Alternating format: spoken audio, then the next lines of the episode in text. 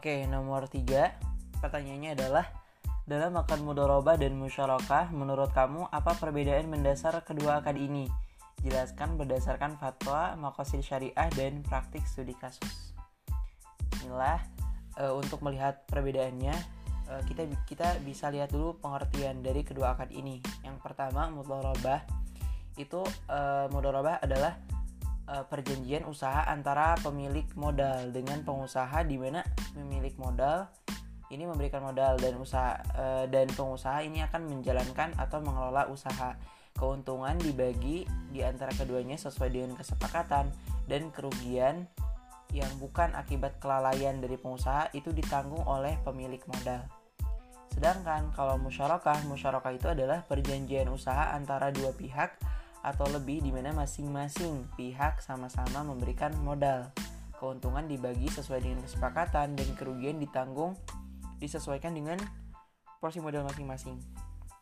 Nah, dari pengertian tadi bisa diambil perbedaan yang mendasarnya itu adalah modal. Itu karena kalau misalnya di mudolobah itu salah satu pihak memberikan modal, kalau misalnya di musyarakah itu masing-masing pihak memberikan modal seperti itu.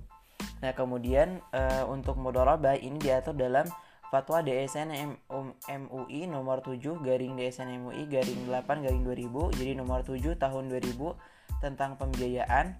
Kalau misalnya tentang e, musyarakah itu diatur dalam Fatwa DSN MUI nomor 8 garing DSN MUI garing 4 oh maaf untuk e, juga tadi bukan bulan 8 ya tapi garing 4 tahun 2000 dan untuk musyarakah saya ulangi nom, e, dari SN MUI nomor 8 garing DSN MUI garing 4 garing 2000 nah jadi nomor 8 tahun 2000 tentang pembiayaan musyarakah.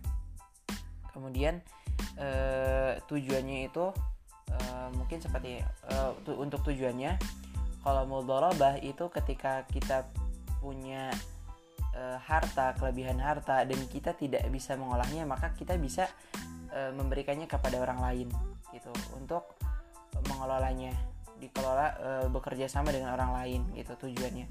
Kemudian kalau misalnya masyarakat ketika kita punya kelebihan uang maka kelebihan itu harus dikelola harus diolah gitu diproduktifkan seperti itu. Dan kemudian praktik studi kasusnya misal contoh kalau misalnya mudharabah misalnya si A sama si B. Si A ini punya modal misalnya 5 juta gitu kan.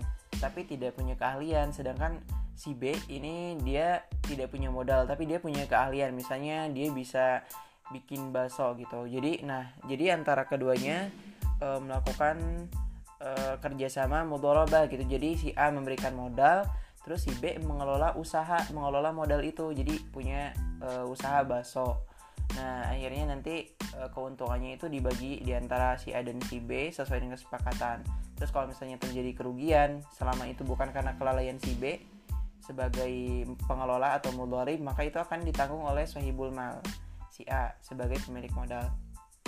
Itu mudharabah. Nah, kalau misalnya musyarakah uh, musyarakah misalnya si A dan si B itu sama-sama punya modal kayak gitu. Jadi biar uh, misalnya usahanya lebih besar dan lebih baik gitu.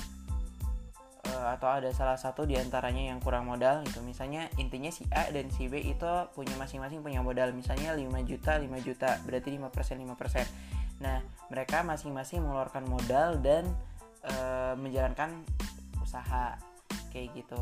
Nah jadi nantinya uh, kedua-duanya mendapatkan keuntungan yang dibagi sesuai kesepakatan. Kemudian untuk kerugiannya dibagi sesuai porsi modal masing-masing. Seperti itu